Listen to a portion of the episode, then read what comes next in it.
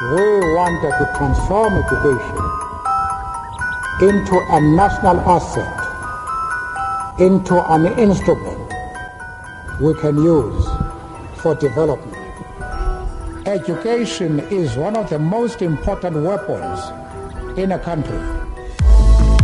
Selection was geïnspireerd deur education. Madiba het altyd gesê education is the the biggest weapon any country could have, quote unquote. En en dit het my geïnspireer om my deel te doen. Ek het 'n beurs wat nou al hardloop vir die laaste 6 jaar en al ses studente se lewens verander het, maar hierdie jaar het ons nou 'n ekstra beurs bygesit om te gaan vir fashion management swat by die Northwest School of Design en Texas for actors wat ek myself. So dit is nou 'n tweede beurs wat ons bysit vir vir die fashion studente wat ek dink so belangrik is dat die private sektor invest in die toekoms van die land want dit is ons ons future workforce, die jong kinders uh, van vandag. En dit het absoluut 'n fantastiese collection gewees. Dit was so amazing geweest om om om die collection te doen en en aan die mense wat daar was, dit was fantasties. Hoe kom mode en onderwys bymekaar uit? Suid-Afrika het so baie talent. Mens kort net iemand om dit raak te sien en dit dan 'n bietjie te ontwikkel.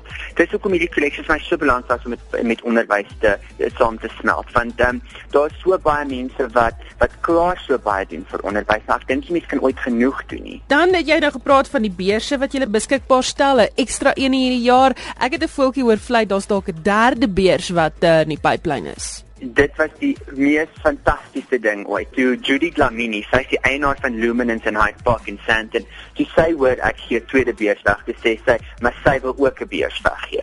So nou hierdie jaar het ons drie beurse wat weggegee word om te gaan mode ontwerp swat. En ek dink dit is 'n amazing investment in die modebedryf vir Suid-Afrika. Dis baie opwindend. Hoe voel jy moet die private sektor nog betrokke raak by onderwys en onderwys sake? Ek dink as as as companies of of private individue net um elkeen hulle deel kan doen om om te te te add tot by onderwys. Um imagine as elke uh, groot uh, instituut net twee of drie studente word per jaar, hoeveel meer gaan ons in in ons in ons land in kan kan kry? Want ek dink nie die die die regering kom by alles uit nie. Ek dink dit is 'n was baie drama daar en as mens kyk die laaste ruk met al die die die studente wat so so opgestaan het teen teen, teen die universiteite en en baie ander studente word geeducated in hulle derde taal. So so daar's klomp sulke probleme wat ek dink as jy die die, die private sektor ingryp en help, kan dit tot baie baie oplossings kom.